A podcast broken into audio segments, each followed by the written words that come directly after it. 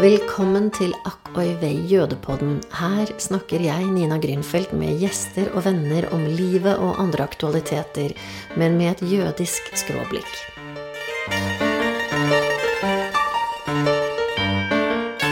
Dokumentarfilmen 'Tinder-svindleren' ble lansert på Netflix denne våren og har fått mye oppmerksomhet. Sammen med min tilbakevendende makker Monica Chango tar vi en nærmere titt. Oi vei. Jo,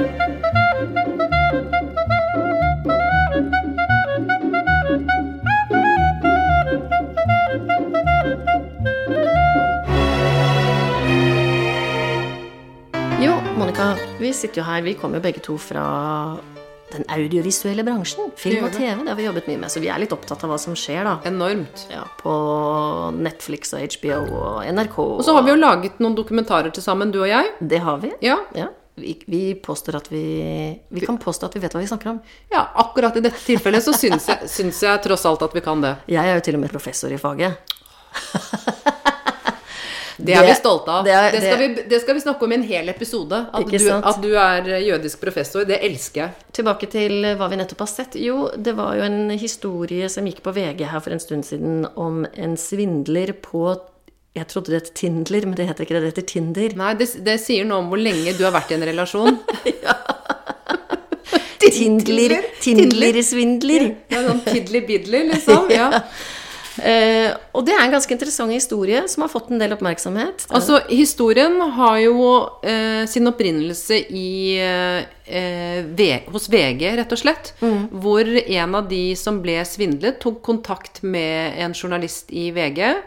Og de begynte å dypdykke i denne saken. Det som hadde skjedd, det var jo at eh, denne kvinnen på noen og 20 år hadde eh, sittet i London og kjedet seg litt, sveipet av gårde på Tinder, og så dukket det opp en kar som het Simon. Eh, og på billedgalleriet hans så lå det Simon i privatfly, hoppe fallskjerm, i luksusbutikker, luksushotell. Altså et liv som er så ellevilt. Og long story short, så møtes de og får veldig god kjemi. Og så begynner det jo å skje veldig merkelige ting, Nina. Ja, hun blir jo rett og slett eh, lurt. Altså, hun blir jo dødelig forelsket, som flere kvinner blir, i denne mannen som møter han på Tinder. Uh, og så viser det seg jo at dette er en bedrager uten sidestykke, og det er jo en kjempefascinerende historie. Og når vi skal snakke litt om det nå, så er det jo fordi at uh, Jeg tror både du og jeg kjenner litt på at gulp er dette en serie som vil kunne vekke antisemittisme? Det har jeg tenkt mye på når jeg har lest eh, denne saken her. Og det er jo fordi svindleren er jødisk, Ja. eller israeler. Ja, det er begge han. deler. Mm. Ja, det er han. Og det som jeg, som jeg skal berømme både VG og Netflix for, det er jo det at eh, det er en veldig liten del av fokuset. Så det nevnes at eh, Simon opprinnelig er fra Israel, men det er ikke det som er fokus i det hele tatt. Og årsaken til at vi har vært litt bekymret for dette her, er jo det at eh, i bl.a. konspirasjonsteorier eh, og en del av de antisemittiske fortellingene og forestillingene, så gjentas jo den historien som handler om den grådige jøden som svindler andre. Og derfor så fryktet vi at dette kunne bli en sånn type sak. Nå er det sånn at nå har ikke jeg trålet sosiale medier og sett hvordan reaksjonene har vært der. Fordi at der kan det godt være at det skjer lite grann. Men i det Altså for meg som nå bare har liksom sittet og tatt igjen litt respons i Norge og på Twitter og sånt nå, så har jeg ikke, jeg har ikke sett det enda. Vi kan gjøre et lite søk nå etterpå, faktisk. Det kan kunne vært interessant. Det er spennende. Det er akkurat som du sier, det er nettopp eh, Jeg husker det allerede da jeg hørte om historien første gang og leste denne VG-historien, eh, som er en, eh, gjengitt på en veldig fin måte med alt fra stillsbilder til lyd, altså skikkelig sånn multimedial på nett, da. Ja, det er en megasolid, godt fortalt journalistisk historie. Virkelig. Og det er klart at den har absolutt sin hensikt, fordi at det man gjør her, er jo å oute skurker på nettet. Eh, Og han er jo per dags dato fri og i stand til å kunne fortsette å svindle folk. Men det er jo mye godt og dårlig å si om nettet, men akkurat dette har jo tydeligvis hatt en funksjon. At det er ikke så lett for han å svindle folk lenger. For Nei. når han blir googla, så blir han jo oppdaget. Han dukker opp, og så er det slik at eh, en konsekvens av denne Netflix-dokumentaren er at eh, Tinder har deaktivert kontoen hans. Nå er vel han såpass på hugget at han sikkert finner andre veier inn. Men uh, du skal være bra blåst i hodet hvis ikke du skjønner at det er han. Altså Da må han gjøre den plastiske operasjonen som at han snakket om han ville gjøre, og skifte navn og skifte absolutt alt, altså. Ja, for det er veldig interessant. Han befinner seg i Praha og har da besøk av sin svenske venninne, som han riktignok ikke har et kjærlighetsforhold til, men som Han som han bare utnytter? Mm. Bare utnytter. Han er jo en vaskeekte, eklatant psykopat. Og så oppsøker han da en plastisk kirurg i Praha og får beskjed om at det du ønsker å få til, det er det bare skurker som vil ha. Ja. Og da, da må han gå. Da må han gå. Så Ja. han får ikke det hos den kirurgen. Det er klart det fins andre kirurger som sikkert hadde gitt han det. Jeg vil jo tenke at hvis han, han drar til noen spooky steder hvor det har vært noen narkobaroner før, så vil jeg jo tenke at han vil kunne få en plastisk operasjon. Altså, det var jo en historie Dette er en annen type eh, grusom psykopat, da, sjakalen. Han eh, gjorde jo plastiske operasjoner i sin tid, mens han flyktet fra myndighetene både her og der. Men jeg, jeg tenker at de fleste som har ønsket å endre utseende, har jo nettopp vært for ikke å bli gjenkjent av myndighetene. Han gjør det vel primært for ikke å bli gjenkjent av nye ofre, nye kvinner. Han, altså, han er svindler for alltid, han. Eh, og det som er tingen med altså, en sånn type personlighet, er jo at uh, jeg tror at han føler at han har en slags rett til, til et godt liv. Han kommer fra en lutfattig familie. Altså, det er så fattig at eh, det er ikke penger til noen ting. Eh, og så har han hatt eh, drømmer som Han ikke har råd til. Nei. Og så tenker han at en måte å finansiere disse drømmene på, er jo da å svindle kvinner. Og han har jo da svindlet kvinner for det man antar er rundt 100 millioner kroner. Men han er jo ikke alene. Det er jo et helt team rundt han. Det koster å holde dette teamet i gang, tror du ikke det? For Jo. de skal jo ha penger. De skal ha penger, men de er jo medskyldige. sånn at i dokumentaren kunne det vært interessant å få vite litt mer om disse andre aktørene. Det er jo bl.a. med en finsk kvinne der som spiller eh, Eller kanskje til og med er, det vet vi jo ikke. En eksvenninne med en, et barn. Altså han Som også, er hans eller ikke, det vet vi jo ikke. Det vet vi jo ikke. Nei. Og så er det denne bodyguarden, da, som Ja. jo blir såret og truet. Og Ja. det er en del av historien som gjør at kvinnene han Ja. forfører, punger ut for å redde dem når de er i katteknipe. Men du må jo være e- ekstremt eh, fantasirik når du klarer på en måte Altså For det første så holder du jo et helt team i gang med masse greier.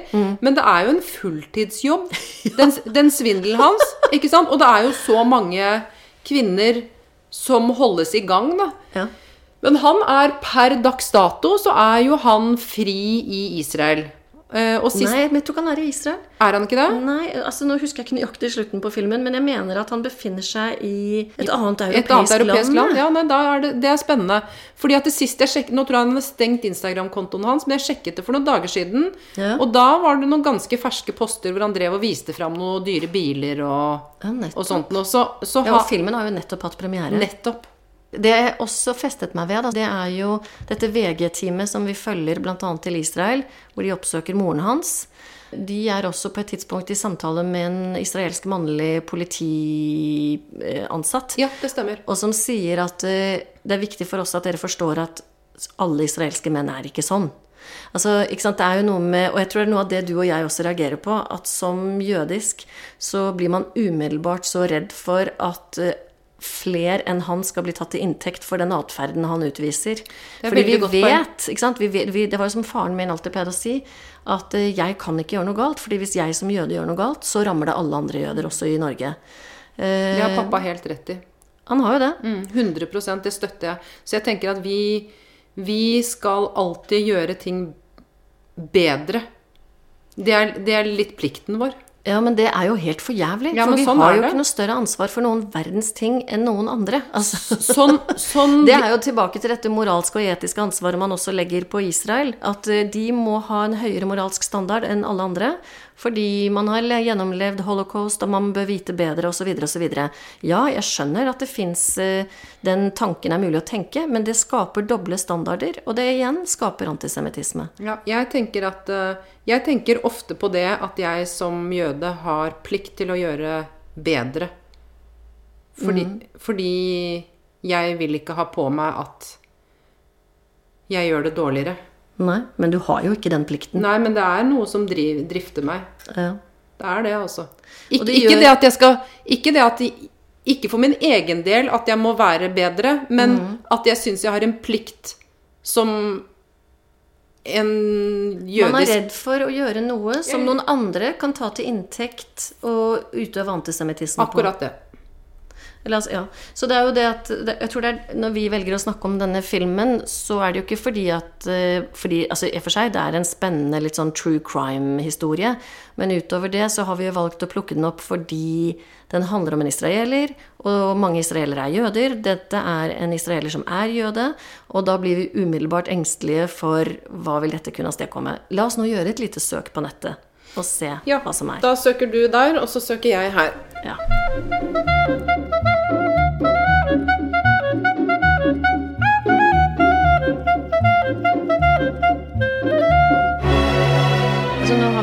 To veldig veldig raske søk. Du var inne på, Ja.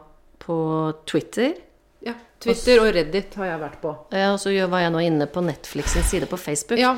Det interessante er jo at eh, eh, så langt har vi ikke klart å finne de store antisemittiske utskjellelsene. Det går mer utover jentene, faktisk. Ja, jentene får svi noe skikkelig. Det gjør de. Uh, Golddiggere og dumme og Ja, og, og det sa de jo helt eksplisitt i dokumentaren også, at eh, en av grunnene til at det er vanskelig å stå fram, er jo at de har fått så mye tyn og hån, da. Eh, og det forstår jeg. Jeg må jo bare gi kudos til jentene at de tør å snakke, sånn at eh, ikke han kommer til å lure hundrevis av andre jenter også. Men akkurat i det vi skulle søke på nå, som handlet om antisemittiske kommentarer, så har vi ikke funnet noen ting. Nei. Så det, det, er er, jo interessant. veldig gledelig. Veldig gledelig. Ja. Veldig gledelig. Så det applauderer vi. At mm. eh, folk har klart å skille, skille de tingene der, da. Det kan jo selvfølgelig hende at dette blir monitorert litt. Jeg vil tenke at Netflix på sin Facebook-side passer på at det ikke kommer fram de grusomste uttalelsene. Eh, og hvordan det er på Det er så, Twitter. det er, så mange, det er veldig mange andre kanaler. Nei, på Twitter så er det full action hvis det er. Så det monitoreres ikke i det hele tatt. Eh, Så da skal det være veldig grovt, det som, eh, det som står der. Ja, nettopp. Eh, og så går det an å se litt på Facebook i litt ulike fora etter hvert også. Mm. Så, men det kan jo være at eh, i sånne høyreekstremistiske konspimiljøer Mm. at det gjøres et poeng ut av at han er jødisk, da. Mm, det vil jeg jo nesten tro. Det vil jeg nesten tenke. Interessant. Vi er nå blitt eh, jødepoliti. film... film Jødefilmpolitiet! Jødefilmpolitiet. Bra. Takk, Monica. Selv takk.